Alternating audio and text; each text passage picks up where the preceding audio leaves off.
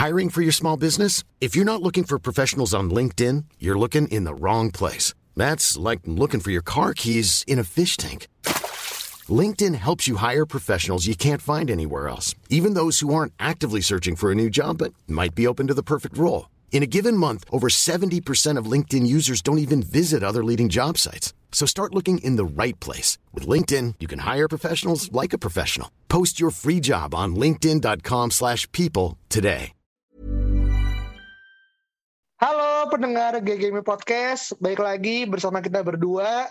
Dan pada episode kali ini mungkin uh, gue akan lebih spesifik tribut kepada perjuangan solo karir Ronaldo ya. Hmm. Melihat bagaimana mungkin teman-teman yang kemarin rela menghabiskan uh, separuh malam ya sembari emang kita sahur, tapi ujungnya alih-alih kemudian uh, puasa justru malah kita tidur dengan kondisi tidak nyaman gitu dan menurut gue mem makan nasi kit itu kemarin menjadi sebuah menu buka sahur gue ketika mm-hmm. kemarin kita akhirnya harus ke menahan imbang. Gue bilang berhasil menahan imbang padahal kita main di Old Trafford. Dan gue itu sebuah degradasi uh, statement mm -hmm. ya. Kita main di Old Trafford malah berhasil menahan imbang tuh menurut gue nggak selayaknya main kelas MU tuh menahan imbang di Old Trafford serendah itu gitu. Betul, betul. Tapi gue melihat dari lu Vin sebagai orang yang kemudian at least lu mungkin nonton mungkin nggak nonton tapi ngelihat result yang kemudian uh, kita harus seri lagi ya bukan seri lagi seri dan tidak bisa mendapatkan bulang poin untuk setidaknya mengejar uh, Arsenal yang masih punya uh, chance untuk kita balap dengan asumsi dia kalah dua kali dengan menang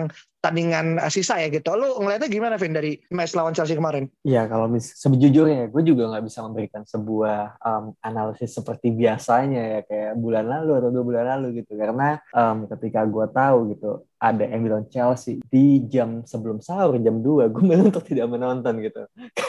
Kayak apa ya buang-buang waktu aja gue nonton pertandingan yang pemain aja udah nggak niat main. Ya, ngapain gue tonton gitu. Jadi kayak not worth to watch lah gitu. Jadi gue memilih untuk tidur gitu. Cuma kan uh, ternyata seri gitu. Bahkan gue udah bilang ini cuma kalah gitu. Cuma ternyata seri. Jadi kayak ya ternyata tidak sejelek itu gitu. Cuma mungkin kalau mainnya di bridge mungkin bisa kalah gitu dengan situasi kayak sekarang gitu sih. Hmm. dan ya again dari yang gue baca kritikan terutama ya jatuh kepada Marcus Rashford yang bermain di kiri yang mana hmm. sering banget Chris James itu bisa overlapping jauh banget dan ya Alex Telles bisa ketarik ke tengah and then Rashford yang harusnya track back untuk menjaga James ini malah dia ada di tengah gitu dan malah ada um, beberapa potongan foto yang menunjukkan bahwa Cristiano Ronaldo ada di ujung kiri gitu, bukan Rashford gitu.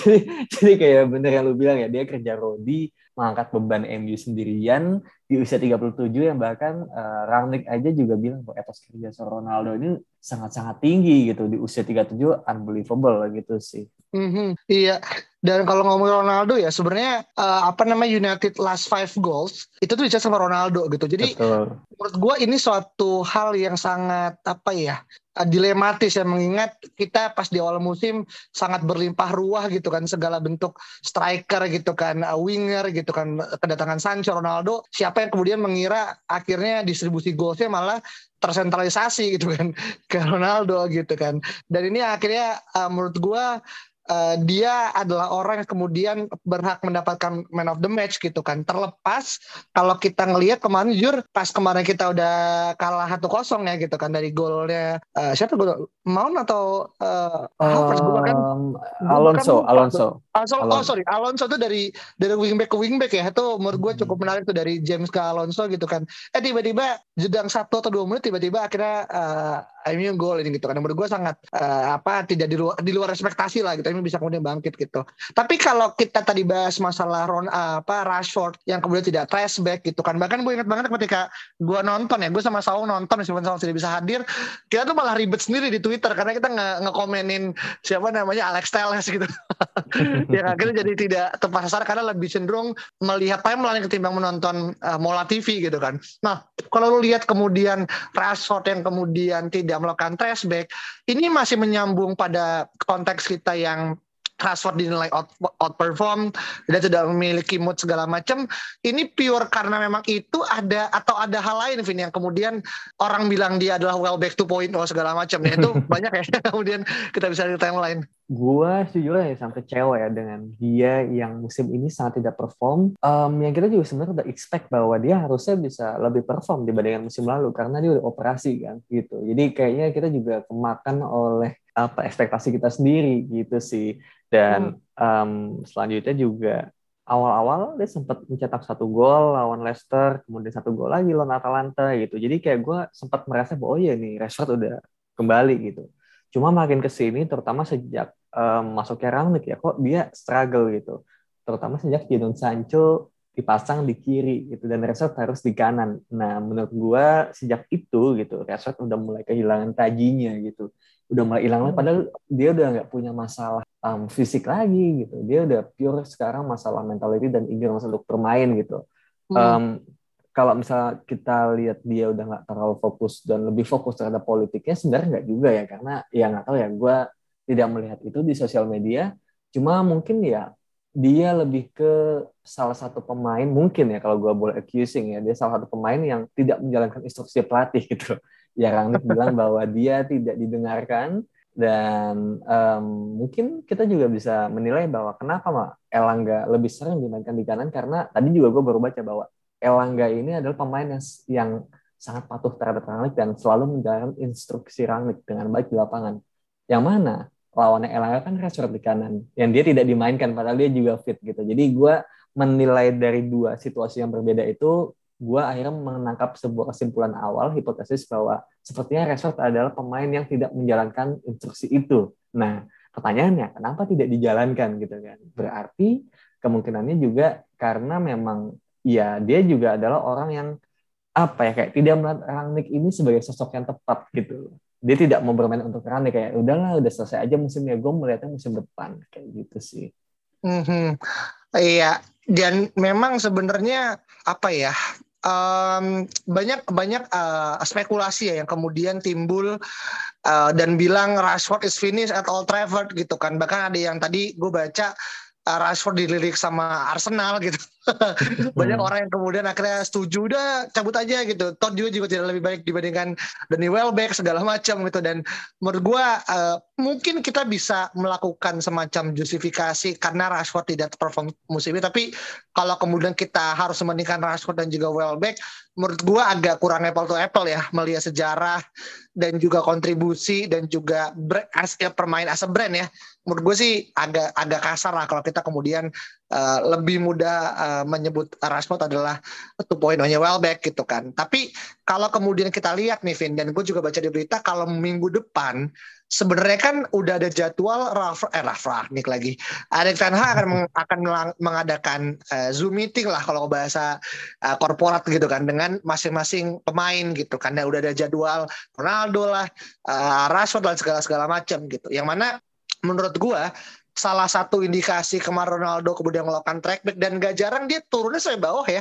Tadi lu bilang kemudian sampai masuk ke mengisi posisi Rashford dan dia bahkan uh, menunjukkan gestur yang kekecewaan dengan Rashford ketika dia nggak untuk lini kiri gitu kan segala macam. Itu mungkin salah satu cara Ronaldo untuk kemudian apa namanya memain mata kali ya dengan dengan uh, dengan Hag juga gitu. Kadang menurut gue justru gue lebih menghormati pemain seperti itu gitu kan karena dia tahu dia harus uh, apa namanya ngambil perhatiannya pelatih baru dan dia nggak cuma ngomong kalau gue pemain besar maka gue harus dipertahankan tapi dia show it uh, dan itu menurut gue salah satu good example gitu dan lo ngelihat kemarin dari highlight deh gitu kayak lo menunjukkan kalau ini ada tendensi untuk kemudian trying to give a best impression atau justru malah sebaliknya Kevin? Um, siapa yang mau trying to uh, get the best impression? Tadi kan satu Ronaldo ya gitu kan menurut gue ya, hmm. ya gitu kan yang hmm, kemudian hmm. ini gitu ya mungkin yang kedua ketiga mungkin lebih kepada pemain muda gitu kan yang tadi yang nanti kita bisa bahas terkait dengan bagaimana kemudian debutnya Garnacho segala macam cuman kita ngomongin sekolah utama dulu deh dari mulai hmm. starting eleven yang ada menurut lu siapa pemain yang kemudian uh, tahu kalau minggu depan nih lu akan ada evaluasi sama bos lu gitu kan dan lu kemudian uh, pengen mencoba untuk giving the best regardless mungkin dia nggak optimal segala macam tapi ada nggak mungkin pemain yang benar-benar trying to fight untuk musim depan dari musim ini kayak gitu? Um, kalau yang benar-benar dari musim ini yang gue lihat adalah jujur cuma tiga orang sih. Um, Ronaldo, kedua Elangga dan tiga David De Gea. Itu menurut gue tiga pemain yang kalau misalnya dilihat dari Chelsea eh, beberapa pertandingan terakhir ya itu yang hmm. paling menonjol ya gitu. Karena yeah. namanya Matic sebenarnya kemarin cukup bagus, cuma kan udah nggak ada lagi ya musim depan yeah. gitu sih. Dan Rangnick juga sempat bilang bahwa Ronaldo ini um, kemarin bermain dengan lebih bagus dalam build up gitu dan dalam track back gitu. Jadi kayak ada ini ada anggapan bahwa apa jangan-jangan sekarang Ronaldo ini lagi readjusting dengan Premier League gitu loh. Dan ini adalah momennya gitu. Dan musim depan hmm. bakal bakal menjadi momen yang kayak apa ya kayak Iya, kita tahu lah Liga Inggris ini berbeda kan dengan liga-liga ya. lainnya gitu. Jadi ada ada hal-hal yang harus di-adjust lagi apalagi untuk pemain yang udah berusia 37 tahun dan dia menjadi seorang striker gitu dan hmm. gaya mainnya berbeda gitu kan. Jadi maybe ini seperti yang udah pernah gue bilang dari dulu, yaitu Ronaldo mengubah sedikit gaya bermainnya. Dia harus adjust dengan Premier League, bukan dia yang memaksakan diri dengan Premier League dengan gaya lamanya gitu. Dan semakin dia bisa menyesuaikan diri dengan Premier League, semakin dia juga bisa bermain dengan lebih efektif lagi gitu, menggunakan segala apa ya segala dari tubuhnya untuk digunakan untuk iya lu bisa build up, lu bisa passing, lu bisa track back gitu. Jadi menurut gua itulah pentingnya ya lu lu lu tahu apa lu tahu lingkungan dan lu tahu diri lu tuh sebagus apa gitu sih. Hmm, iya iya dan ini umur gue salah satu poin yang apa ya uh, ya baik lagi kita nggak pernah uh, bosan untuk mengatakan Ronaldo adalah contoh nyata dari bagaimana profesionalisme itu meng mengubah hidup lo gitu kan dan di umur 37 tahun kita bisa berargumen berdebat siapa sih pemain yang mungkin bisa bertahan selama itu gitu kan dan hmm. bertahan tuh nggak cuma main tapi kemudian bermain di kasar tertinggi ya gitu kan Betul. di klub papan atas gitu kan dan hmm. ya bukan yang tersalah mana juga bisa cuman kan salah mana yang belum sampai umur 37 gitu kan kita nggak bisa kemudian melihat sampai pada memang dia berada di level tersebut gitu dan kita udah hmm. lihat lah pemain uh, guard sebelah mungkin struggling dengan lingkungan yang baru Ronaldo justru malah mengangkat uh, beban yang akhirnya tidak seharusnya ditempatkan di dia ya, sebagai seorang pemain lebih senior gitu kan. Betul. Nah, nah, tapi kita begini, ini ini ini poin yang lebih teknikal gitu dan ini yang akhirnya menjadi gua sama Saung kemarin sempat uh, nge-tweet banyak adalah bagaimana kemudian keberadaan Diego Dalot dan juga Alex Telles sebagai fullback gitu kan yang kasarnya ya uh, apa namanya pertama unaware gitu kan dengan posisi yang dia segala macam yang kedua akhirnya secara defense contribution menurut gue agak kurang kemarin gitu. Dan hmm. ini yang kadang ngebuat bolong banget gitu kan Rich James bisa nembak dari depan Rich James sebagai RWB ya. Lu bisa dia bisa nembak dari luar kotak penalti dan langsung ke DG menurut gue itu poin tanya ke mana Alex Telles gitu. Karena kita bisa bilang ya Neymar Jamati harus nutup segala macam. Cuman dia datang kan dari sebagai seorang wingback kanan ya gitu yang harusnya emang di close sama sama LWB LB kita juga gitu. Ini apa yang akhirnya terjadi Vin? Kok malah justru gue malah kemarin ngasih Twitter lah Alex Hype Telles gitu. Karena karena tidak se sebagus itu menggantikan posisi Luxor iya, menurut gue pribadi gitu. Betul, betul. gimana Vin Betul. Um, kalau misalnya fokus di Alex Telles ya, memang menurut gue show ini adalah tipe fullback yang sangat uh, rare ya, jarang banget kita temukan gitu. Karena show ini bukan tipe yang selalu overlap, bukan tipe yang selalu crossing juga, tapi dia bisa build up juga gitu. Bahkan dia bisa menjadi dulu ya pas zaman setelah COVID ya, di mana kita sempat bagus banget waktu itu. Itu show itu sering masuk sebagai gelandang gitu loh. Hmm. Membantu membantu namanya Matic dan juga Pogba untuk build up gitu. Itu kan apa ya kayak fullback yang sangat komplit sebetulnya gitu. Dia bisa yeah. assist, bisa cetak gol, bisa overlap, underlap, bisa jadi gelandang juga gitu. Apa sih namanya uh, inverted ya, inverted yeah. Iya. uh, fullback kayak kayak apa namanya Walker, Sinchenko hmm. di Man City gitu kayak gitu. Jadi menurut gua uh, show ini sebetulnya bagus gitu. Makanya mungkin ketika kita lihat Alex Telles yang limited ya, dia cuma bisa crossing doang gitu. Tapi hmm. sayangnya crossingnya juga nggak ada output ya gitu, nggak ada nggak ada gol kecuali di iya. crossing jadi gol gitu. Tapi yang kita lihat kan dia berapa kali dia uh, dari corner ya, dia bisa bikin yeah. Ronaldo jadi gol gitu. Nah mungkin seperti itu gitu. Hmm. Cuma untuk sisi defensifnya, ya memang si Alex Telles menurut gua lebih jelek sih daripada Dalot gitu. Jadi mm-hmm. kalau misalnya fokus ke pertandingan lawan Arsenal, memang itu Teles ada banyak salahnya di situ. Cuma kalau yang lawan Chelsea kemarin, momen di meneris James kosong, menurut gue itu adalah kayak udah damage-nya nggak cuma di dia doang. Kenapa Teles ketarik ke tengah? Karena back tengahnya juga ketarik ke kanan gitu loh. Kenapa ketarik ke kanan? Karena pemain Chelsea pintar buat menarik mereka gitu loh. Jadi kalau Teles di ujung, bolong dong gitu loh di situ ya iya. gitu Jadi jadi menurut gue ini tuh ini tuh kayak apa ya, efek domino gitu dari pemain Chelsea yang pintar dan back back MU yang kurang bisa koordinasi dengan baik dan juga ada back uh, apa sayap kiri kita yang tidak track back gitu loh. Jadi ini tuh mm-hmm. itu sebenarnya sangat-sangat apa ya um, banyak faktor ya dan kalau untuk ini gue bisa membela Alex Teles sih sebetulnya oh. gitu karena siap itu harus dijaga dong ya kan siap harus dijaga kerapatan juga harus dijaga stay compact gitu kan masa hmm. lu kayak gitu tiba-tiba Teles di ujung sendiri kan nggak gitu harusnya di situ Rashford yang turun kalau kita lihat pertandingan Real Madrid lawan City atau Real Madrid lawan Chelsea itu yang ada di ujung tuh Valverde men Valverde itu posisinya gelandang tapi dia jadi tambahan back untuk back side kanan karena dia tahu yeah. lawannya Chelsea nih Chris James Alonso bisa overlap maka Valverde ini bertanggung jawab untuk uh, flank di kanan. Nah, Rashford pun gue yakin diinstruksikan seperti itu juga. Cuma ya seperti yang kita tahu gitu, ada pemain-pemain yang tidak ingin menjalankan instruksi Rangnick dan ya mungkin ya itulah yang kita lihat gitu sih.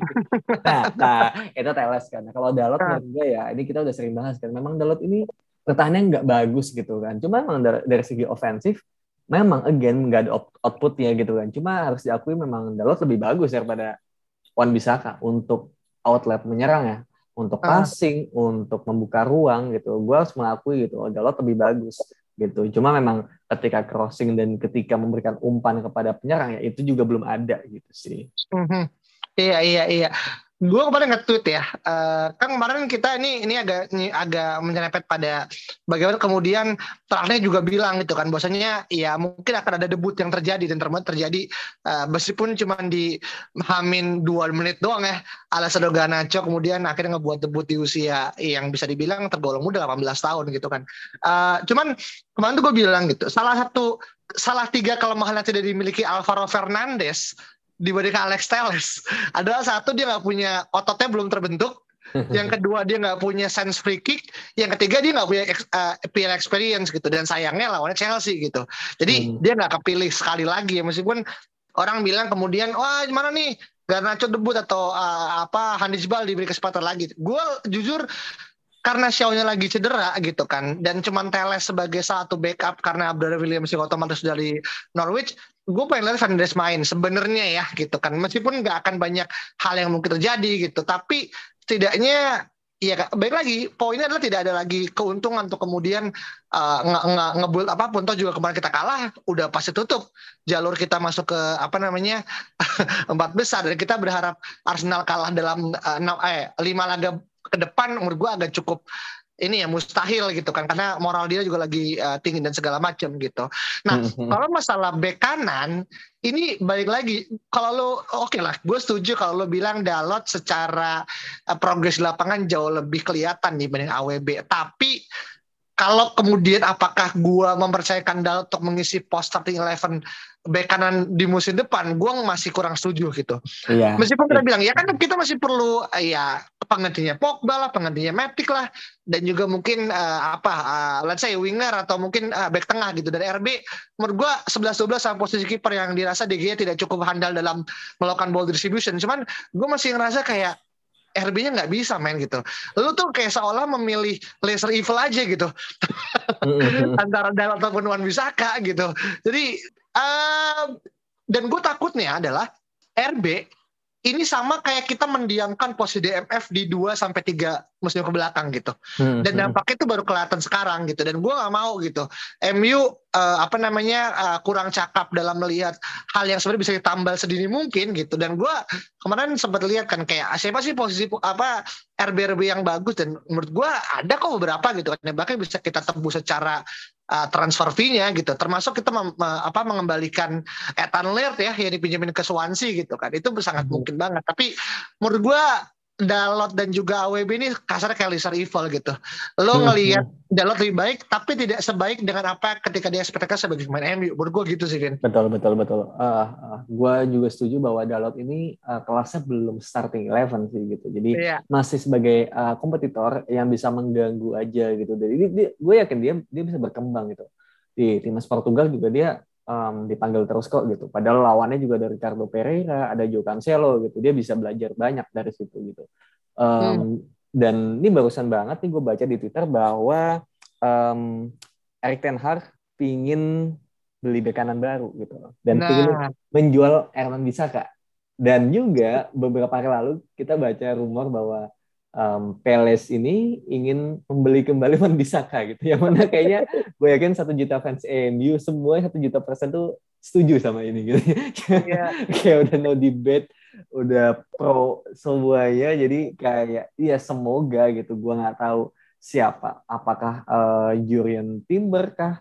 Atau tadi barusan gue juga baca uh, Mazraoui yang Mazraoui. dari Ajax yang um, sedang didekati ya sama Bayern Munchen itu lagi hmm. mau coba di hijack sama MU gitu. Hmm. Gue nggak tahu apakah uh, attempt bakal berhasil atau enggak karena sejujurnya gue jadi mengetahui gue mending pindah ke Bayern lah gitu. Iya lah, bek kanannya Bayern juga lagi nggak ada kan, cuma hmm. si siapa Pavard doang gitu. Pavard jadi, doang ya. Iya dan dibayar juga udah settle, timnya udah jelas bakal main Liga Champions gitu. Sedangkan di Ten Hag ya, iya lo ketemu pelatih lama lu sih gitu. Cuma dengan tidak ada Liga Champions ini juga mempengaruhi gitu. Ketika lawan lu adalah tim yang udah sangat-sangat settle gitu sih hmm. menurut gue jadi untuk bek kanan gue juga sangat setuju bahwa harus ada pembaharuan dengan kelas yang lebih tinggi lagi gitu. Hmm, iya iya. Karena uh, karena gini kayak gue yang gue takut adalah levelnya MU akhirnya untuk squad utama gini nggak ngomongin kalau dalam di main di U23 gue ngerasa sama dia mau oke oke aja gitu kan dengan level segitu dia punya banyak experience bahkan main di apa kompetisi tertinggi gitu kan. Tapi gue kalau misalnya berkaca kayak ya lo bisa belajar dari Ho Cancelo dan segala macam Nico Ferreira. Bahkan uh, Nuno Mendes ya yang pemain berapa ya 18 tahun ya yang akhirnya dia ke eh, ke PSG ya. PSG yang betul. ya kan?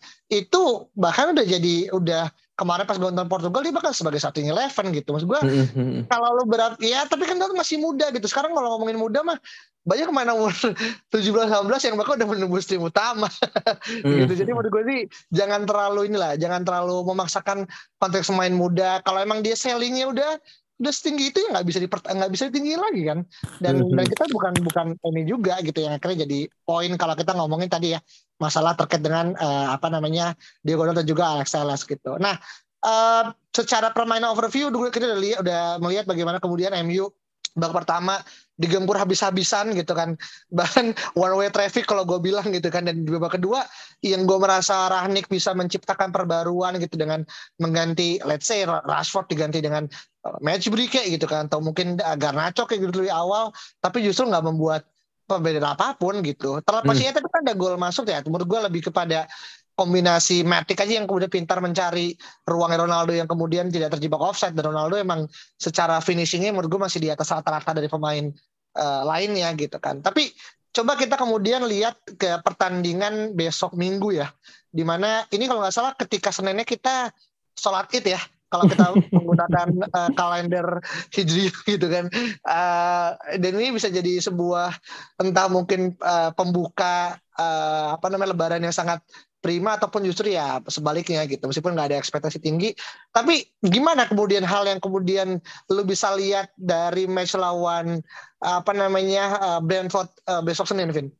Aduh Brentford ya um, Brentford ini kan mainnya sangat penyerang um, bahkan menyulitkan Arsenal, Liverpool, bahkan Chelsea kalah 4-1 gitu. Jadi mm, um, gue bingung aja sih gitu melihatnya karena kalau di masa lalu melawan tim yang seperti ini MU menang gitu kan. Tapi sekarang kayak kayaknya MU bakal kalah lawan siapa pun gitu.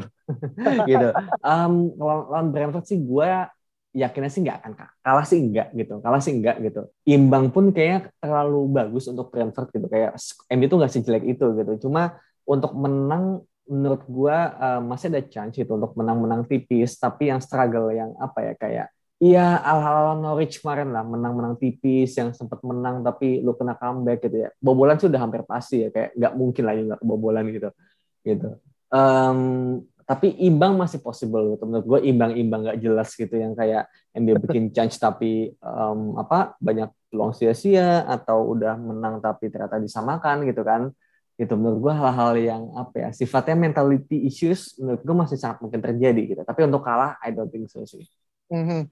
Iya dan kalau kita ngelihat secara pemain ya uh, Sancho mungkin akan absen karena dia masih uh, ada serang dengan tonsilitis ya. Gue nggak tahu nih tonsilitis nih uh, apa tapi dia bilang harus di remove berarti ada operasi yang harus hmm. dilakukan gitu kan.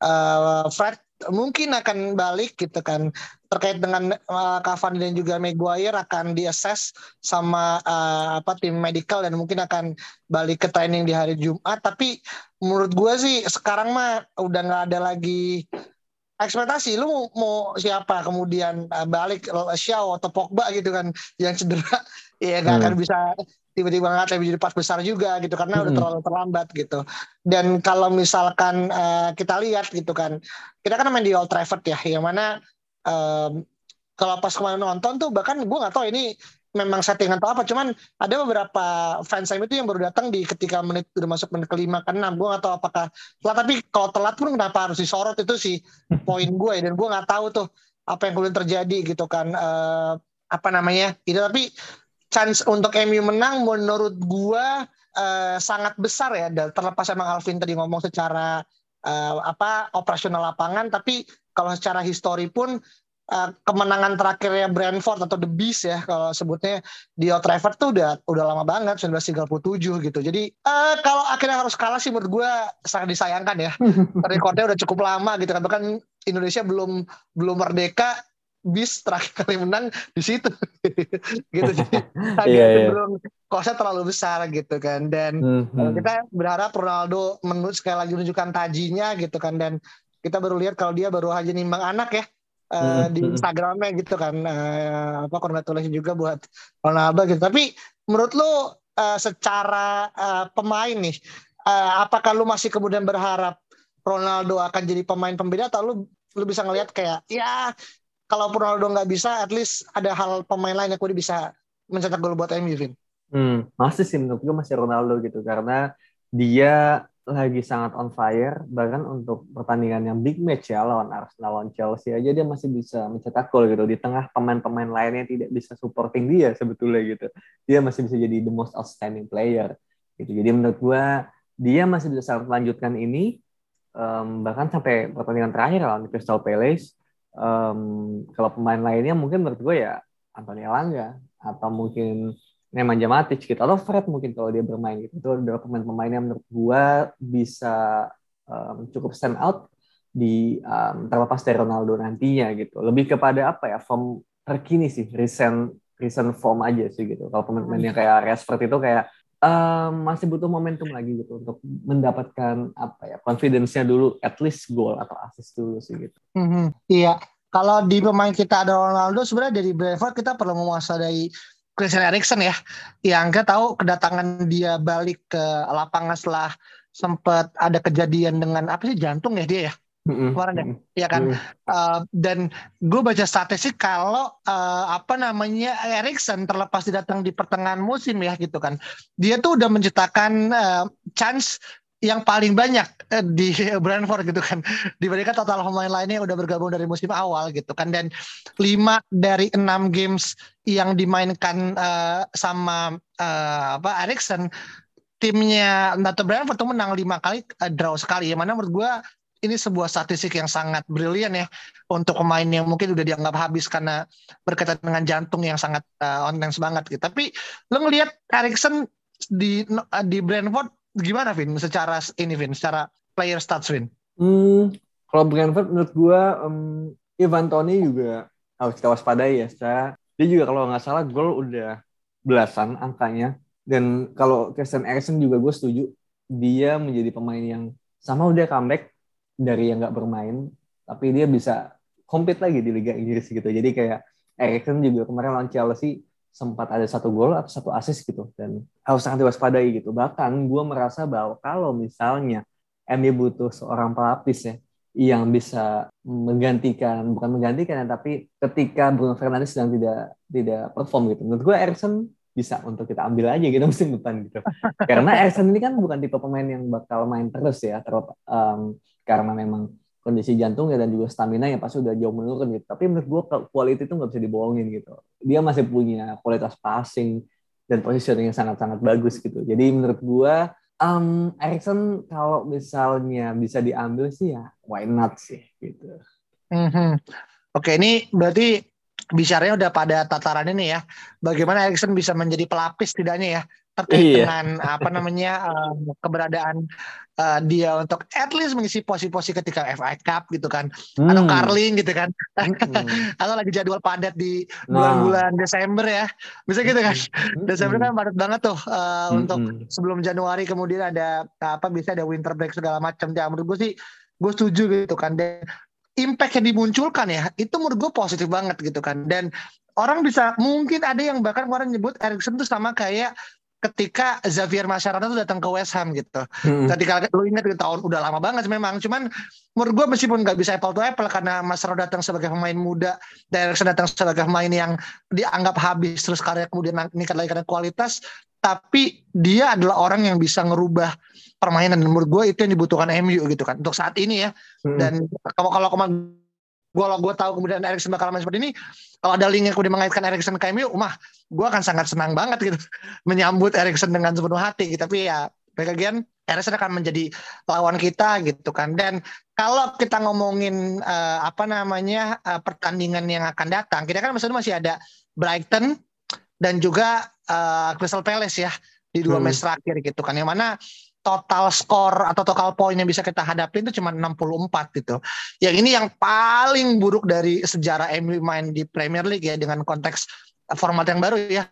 Salah satu um, catatan sejarah yang akan diingat dan sayangnya Ralf Rangnick harus menanggung gitu kan.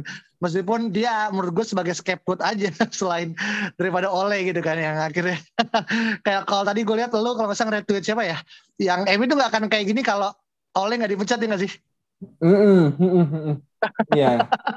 Karena ada ada yang bilang uh, Roy Keane itu bilang kalau MU tidak akan seburuk ini kalau Ole masih menjabat gitu.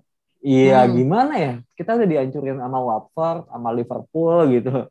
Lu masih mau kayak gitu gitu, sama City. Jadi sebenarnya udah nggak make sense aja kalau kita waktu itu melanjutkan gitu. Tapi kalau dilanjutkan oleh Carrick gitu, at least musim ini masih bisa lebih survive dan lebih baik gitu karena satu orang lama, kedua staffnya mungkin masih yang lama juga, dan ketiga apa ya, eh, ex pemain gitu kan sama dia tahu culture kayak apa, how to play uh, as United way kayak gitu kan. Jadi dia dia bisa hmm. memotivasi the way oleh did selama ini gitu mm-hmm. levelnya bakal di situ-situ aja nggak bakal ke mana-mana juga dan gue khawatirnya kalau dilanjutkan bakal jadi permanenin si Carrick kan malah gitu. itu ketakutan. ini, ini ini balik lagi ini kayak pisau bermata dua. Uh, mungkin kalau kali datang hasilnya nggak akan mungkin bisa lebih baik. At least lagi masuk Liga Champion minimal ya. Gue nggak bilang kita akan lolos sampai tahapan besar Liga Champion, tapi masuk ke Liga empat besar menurut gue masih mungkin. Tapi ya baik lagi, ini kan juga gitu ya. Ada satu pelatih yang formnya bagus dipertahankan, padahal jangka pendek gitu. Dan kita tahu ya kalau kita gagal mendapatkan Ten Hag di musim ini, dia udah diincar sama banyak klub cuy gitu kan. Dan mm. dan sulit untuk kemudian menebusnya lagi gitu. Kalau nggak yeah. sekarang gitu. Dan menurut gue emang memang match made in heaven tuh buat Ten Hag ya sekarang ini gitu. Udah punya banyak uh, apa infrastruktur yang meskipun datang dari dari dari rongsokan emang sekarang ya. Tapi udah nggak ada waktu selain sekarang gitu. Dan ya kita lihat lagi lagi nanti akhir Ten Hag yang kita akan bahas di akhir musim. Tapi ini ada tiga berita ya yang kemudian bisa kita bahas secara uh, sideline gitu kan. Pertama, Matt Dutch gitu gitu yang uh, head of corporate development dia resign gitu kan dan dia nggak akan uh, aktif sebagai uh, sebagai orang yang akan terlibat di uh, bursa transfer ya Vin ya uh, hmm. dan kita tahu bagaimana jasanya dia di uh, musim transfer musim lalu menurut gue cukup jadi satu orang yang akhirnya perlu mendapatkan respect karena uh, satu dan dua hal gitu tuh menanggapi resign dia gimana Vin?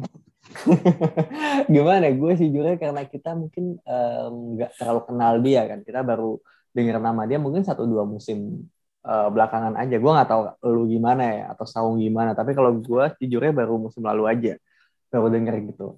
Dan ternyata Matt Judge ini udah dari tahun 2014 ya berarti post Sir Alex gitu. Dia jadi orang yang menegosiasikan kontrak dan juga transfer pemain gitu. Nah, sejujurnya kalau kita mau objektif kita lihat dari 2014 sampai sekarang gitu, berapa banyak yang sukses gitu.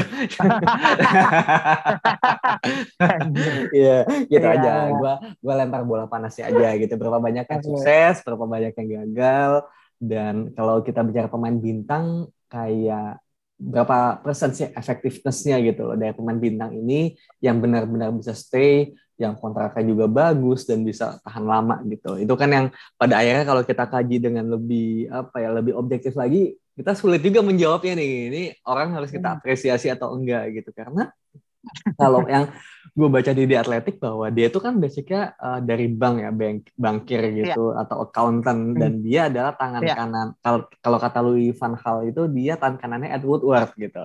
Gitu. Yeah. Yang Van Gaal pun mengeluh bahwa gue kira MU-nya tim besar bisa datangin siapa aja gitu. Tapi ternyata cuma dapat tier 2, tier 3, tier 4 ya pemain list pemain dia gitu. Jadi kayak oh iya, ternyata, iya. ternyata ada limitnya juga. Nah, gue nggak tahu limitnya itu apakah dari segi negosiasi yang kurang bagus kah akhirnya jadi harus dapat tier 2 tier 3 gitu kan cuma hmm. intinya adalah ini uh, Louis van Gaal juga sempat uh, protes gitu kan tentang hal itu gitu dan juga hmm. ya Harry Maguire 80 juta gitu jadi kayak um, sama ketika kita memikirkan lagi dan mengingat-ingat kembali kayak um, sebenarnya dia highly respected gitu kan di omong Premier League gitu ya. Kalau gue baca ya dia highly respected gitu. Cuma ketika tidak dirunning oleh orang yang emang football people gitu I think ya jadinya just a business aja gitu. Kayak oh ya hmm. udah lu jualan kaos aja gitu. Lu beli di Maria oh jualan kaos. Lu beli Alex Sanchez oh jualan kaos gitu kan.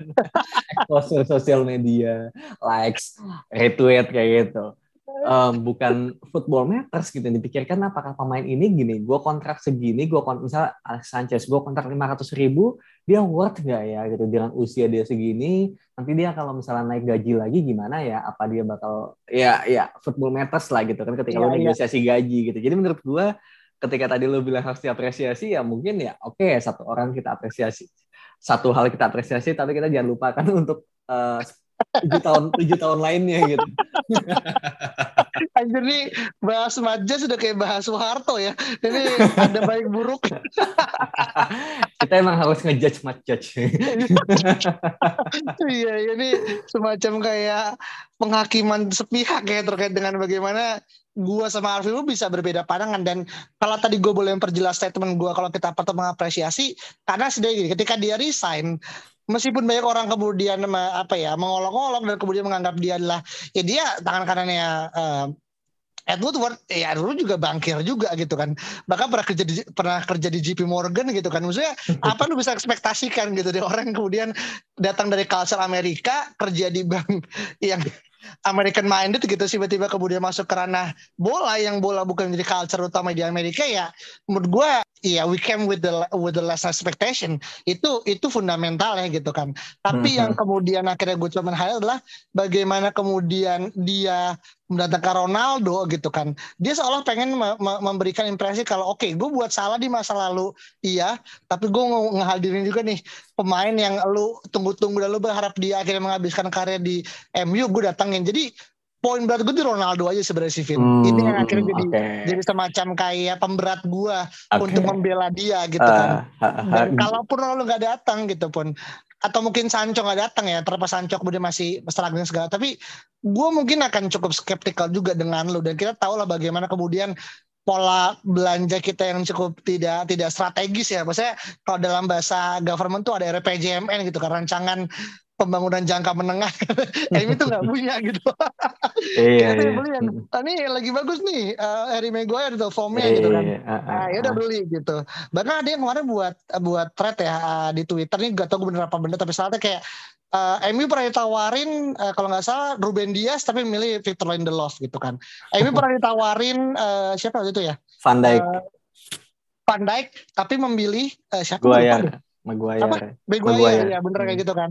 Terus juga uh, pokoknya ini yang Mbappe atau apa tapi kita milih yang Martial gitu. Jadi gue nggak tahu nih Martial juga kemudian bermain peran di situ juga apa enggak. Tapi kalaupun iya ya maka hmm, atau gua, atau gue bisa uh, iya. Uh, nih, gitu. uh, kalau di 2014 kan ya lu punya chance buat datangin Thiago Alcantara atau Toni Kroos lu dapetinnya Vela ini ya kan? Ya meskipun itu juga uh, Ryan Giggs atau Ryan Giggs kalau nggak salah yang bilang ya. Uh, iya nggak sih?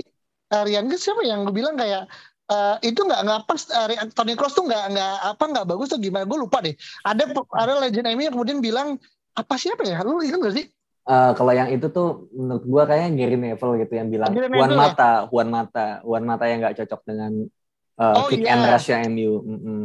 Iya iya iya. Tapi gue ingat kok Tony Cross juga ada dan mungkin teman-teman pendengar di podcast yang mungkin ingat juga tahun dua ini quote muncul tahun 2016 17 deh yang pas ya biasa kan MU itu kan ramainya tuh ketika udah lewat baru diungkap gitu kan baru di spill gitu. Seolah kita tuh udah kita seolah tuh kita masih relate aja gitu padahal udah udah musimnya udah berganti jauh gitu. Jadi nanti mungkin bisa diingatkan tapi baik lagi uh, regardless pros and cons uh, gue berharap sih siapa pun yang menggantikan posisi Matjats ya dan mungkin ini akan akan Ravanik gitu karena dia akan menjadi konsultan dalam terkait dengan uh, pema, uh, pemain dalam bursa. Menurut gue sih uh, uh, ya kita paling enggak bisa melihat ada sosok yang lebih kompeten lah yang akan ngerunning meskipun dari sudut pandang yang advisory roles ya gitu ya. Itu yang uh, bahasan pertama gitu kan. Dan ini udah dikonfirmasi sama David Onstein David Onstein dari uh, Atletik ya Vin ya? Uh, betul, dia betul. korespondennya gitu. Jadi menurut gue cukup valid. Yang kedua ini yang akhirnya menurut gue agak out of nowhere gitu dan tiba-tiba muncul udah resmi ya tiba-tiba Ralf Rangnick uh, resmi menjadi uh, apa namanya Austria National Team Manager gitu. Ini gua gua gua bisa relate kalau misalnya Rangnick kemudian uh, misalkan apa tapi jadi pelatih utama timnas Austria ya terutama Austria gua gak tahu nih angin dari mana dan lu melihat ini gimana Navin? Hmm, benar ya. Ngop dulu sambil makan. Um, jujur ya, kalau gue waktu itu kan kita pernah baca kalau dia itu cuma jatah kerja uh, waktu kerja ada enam hari dalam sebulan gitu, itu kan dikit banget ya. Dan cuma mungkin seminggu cuma dua hari atau tiga hari. Jadi kayak ya konsultansi role ini jadi part time dia gitu di di waktu-waktu senggangnya dia atau di weekendnya dia bahkan gitu. Sisanya ya dia kerja yang full time gitu di Austria manager gitu. Dan menurut gua menurut gua sih nggak masalah gitu ya. Menurut gua nggak masalah karena memang konsultansi role ini nggak sepenting itu sepertinya gitu maksudnya gini itu penting tapi kalau cuma dibutuhkan aja gitu. Ketika lu butuh konsul ya silakan datang. Kita bikin appointment gitu kan. Tapi iya.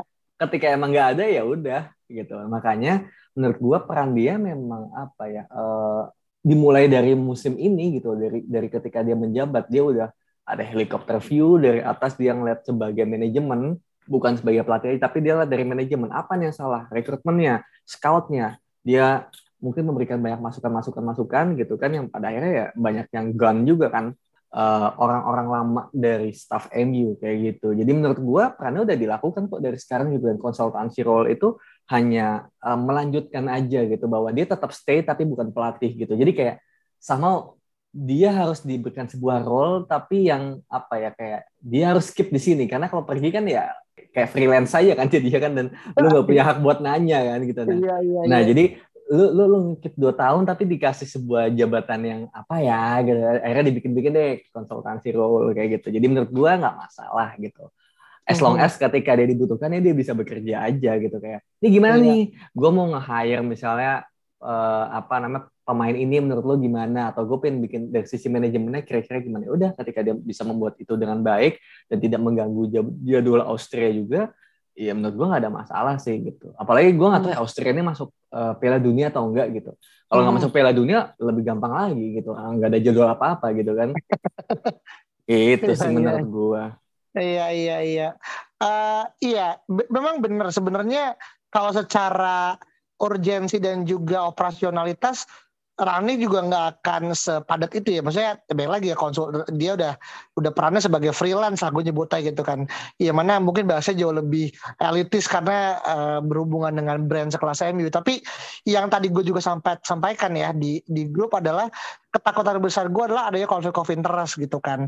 Dalam artian gini, hal yang paling teknis yang bisa gue bayangkan adalah ketika dia menangani sebuah nasional uh, football team ya di sini Austria gitu kan.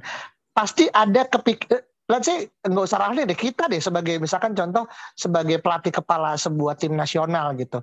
Pasti kan ada semacam kayak uh, momentum di mana kita pengen tim uh, apa uh, uh, pemain-pemain yang ada di negara kita tuh main di level yang tertinggi gitu kan. Oke okay lah hmm. Austria siapa sih Alaba ya kalau nggak salah ya? Iya. Yeah. Dia mainnya hmm. dia dia kapten juga kan dan Alaba di di di Austria bahkan sebagai apa almost ke LMF ya bukan lagi sebagai sebagai iya, iya. agak lucu emang secara roles ya gitu tapi ya udahlah gitu. Uh, dan ini akhirnya gue takut gue takut kan meskipun mungkin ya nggak akan terjadi dan mungkin pendengar bisa melihat kalau apa yang gue sampaikan nggak akan mungkin nggak penting. Cuman yang gue takut tadi gitu dia akan membantu scouting tapi cenderungnya malah lebih pro kepada Austria aja gitu sih Vin yang jadi. Ya. Kita kan kita kan berbicara pada kemungkinan terburuk yang yang akan ada gitu. Bahkan keberadaan Ten Hag pun kan juga pasti punya bad side-nya juga dan orang-orang sudah sudah banyak spill juga. Jadi menurut gue sih untuk Ragnik ya eh, selain memang dia makinnya terbatas pada freelance Uh, tapi buat gue selain emang konflik of interest yang kedua adalah ini nggak ada nggak ada rumor sama sekali. Gue nggak pernah denger ya. Gue nggak at least selama seminggu belakang gue nggak pernah atau mungkin gue yang kurang buka Twitter dan lebih cenderung di Instagram tapi gue nggak nggak ada rumor yang mengaitkan hal dengan Austria uh, manajer gitu. Jadi cukup surprise tapi ya uh, kita mendoakan lah yang terbaik lah dengan Rahnik dan semoga pembelajaran dari MU bisa menjadi salah satu uh, momentum juga ya untuk kemudian dia ngebangun sebuah squad yang tidak hanya baik secara uh, formation strategis gitu kan, tapi juga man management ya Vin ya. Kalau kita lihat bagaimana Ragnik memiliki kelemahan di sisi itu gitu kan. Dan ya kita dia aja gimana kemudian uh, Ragnik dengan tim Australia nanti gitu kan. Nah yang terakhir ini sebenarnya nggak terlalu berhubungan, tapi kita pernah sering bersentuhan langsung. Kita sering banget kok nyebut apalagi di zaman-zaman bursa transfer gitu kan. Bagaimana uh, ini udah konfirmasi udah udah udah terkonfirm jadi udah nggak lagi berita yang uh, simpang siur ya gitu kan. Uh, bagaimana kemudian super agen Mino Raiola ya yang kemudian dia menangani klien-klien besar bahkan uh, sekelas Ibra yang pernah main di MU gitu kan. Terus juga kemudian Pogba gitu. Dan calon pemain kita yang kayaknya nggak akan mungkin terjadi Erling Haaland uh, itu meninggal dunia gitu kan dan kita nggak kita nggak akan uh, apa mengurutkan kronologi kenapa dia meninggal tapi apa yang bisa kemudian lu lihat dari uh, pass away-nya Mino Raiola di dan itu ada nggak sih sangkut pautnya sama MU sebagai uh, agent agent yang kemudian uh, menangani klien-klien besar Vin? Um, gua appreciate Raiola sebagai super agent ya bahwa dia adalah agent terkaya kalau nggak salah gitu yang hmm. kalau kita lihat fee-nya dari seorang Erling Haaland aja tuh bisa 40 juta sendiri atau 20 juta sendiri untuk dia gitu. Belum yeah, lagi yeah. nanti ada apa debt fee kan bokapnya yeah. juga ada itu. Iya. kan aneh banget gitu. Agent fee gede, ada fee buat bokapnya juga gitu. Jadi kayak sama menurut gua gue jadi belajar gitu kayak sebenarnya sesuatu tuh bisa dimaklarin gitu kan. Sebagai seorang pemain aja pemain iya, aja iya, iya. pemain aja bisa gitu dimaklarin gitu kayak kayak lu lu lu tahu gitu pemain ini bisa uh, apa ya kayak punya kesulitan untuk untuk mengurusi hal-hal yang perintilan gitu. Jadi gue juga mikir gitu kayaknya nanti di dalam kehidupan gue sehari-hari ketika orang punya kesulitan apa nah gue pin bantu gitu gue jadi rayolanya gitu. Dan gue bisa dapet fee untuk itu karena oh orang tuh nggak mau ngurusin itu tapi gue mau gitu nah gue dibayar untuk itu ngerjain hal yang orang nggak mau ngerjain gitu jadi gue gue gue belajar gue belajar dari Rayola itu terlepas dari banyak um, apa ya cerita-cerita yang tidak baik ya terutama dari iya. um, Sir Alex juga yang dia nggak suka iya. Rayola karena terkait kasus Pogba dan juga mungkin kita juga musim ini kesel banget ya sama Rayola gitu yang Benar. yang sebel banget Pogba dipanas-panasin terus gitu tapi iya. Uh, other than that gue lebih ke mau mengapresiasi bahwa ya apa yang dilakukan Rayola ini bisa jadi inspirasi kita semua gitu bahwa benar. semua bisa dicuanin men gitu. Benar benar benar. Gitu benar sih. sih dan dan yang dikatakan sama uh, Sir Alex pun ditulis ya di autobiografinya kan. Jadi memang benar-benar uh, ini emang tercapture gitu bukan omongannya Vergi secara verbal tapi ditulis dalam bukunya. Jadi menurut gue ya Rayola menurut gue peran dia hot and cold ya. Uh, kayak apa dia pernah bermain peran yang cukup vital untuk mendatangkan balik Pogba ke MU meskipun dengan segala tragedi yang akhirnya terjadi balik layar gitu kan. Bagaimana Mourinho merasa kedatangan Pogba lebih kepada kebutuhan komersial ketimbang tim. Tapi dia dia menurut gue super agen selain Jorge Mendes ya. Ya menurut gue kan ke, ke kelemahan Rayola adalah dia tidak menangani Ronaldo ataupun Messi aja gitu. Mungkin kalau ada Messi atau Ronaldo jadi portofolio pemain dia, wah dia udah mungkin lebih-lebih lagi gitu kan. Nah, tapi menurut gue kayak gini, agen tuh kan sebenarnya seseorang yang jarang ya tampil di permukaan gitu kan. Tapi Rayola tuh adalah agen yang semua orang tuh pasti tahu gitu. Hmm, dengan kontroversialnya dia lah, dengan penampilan fisiknya dia lah gitu kan segala macam. Tapi menurut gua nggak banyak orang akhirnya punya nama sebagai seorang agent ya yang jauh dari kata uh, apa sorotan uh, apa namanya layar penonton gitu dia kan di balik layar ya gitu kan iya tapi dia masih memiliki nama yang bahkan diapresiasi sama sama sekelas uh, apa namanya uh, apa uh, Fabrizio Roma dan segala macam. Dan menurut gua banyak akhirnya ngebuat semacam kayak apa ya obituari lah gitu. Untuk Rayola berdua kita berdua pun terlepas. Gue inget banget kalau nggak Saung pernah ngata-ngatain Rayola ketika memang lagi sesi transfer. Tapi uh, kita sih yakin kita bertiga ya gue kita mau ke Saung pun kehilangan ya bagaimana Rayola dengan segala bentuk dinamikanya. Dia agen yang, yang membuat kita berpikir kalau ya memang di era sekarang sepak bola adalah industri yang menjadi bagian dari komoditas gitu kan. Dia mau nggak mau Rayola adalah orang yang bisa memain yang bisa mencari cuan di di sana gitu dan betul, iya betul. kita doakan yang terbaik lah buat Rayola uh, uh, dengan meninggalnya beliau gitu kan dan uh, mungkin itu aja kali ya terkait dengan berita pada dan juga update uh, ini pada uh, episode kali ini thank you so much sudah mendengarkan. Kita ketemu lagi di episode minggu depan dan kita bertiga mengucapkan Milan Aizin wal Faizin.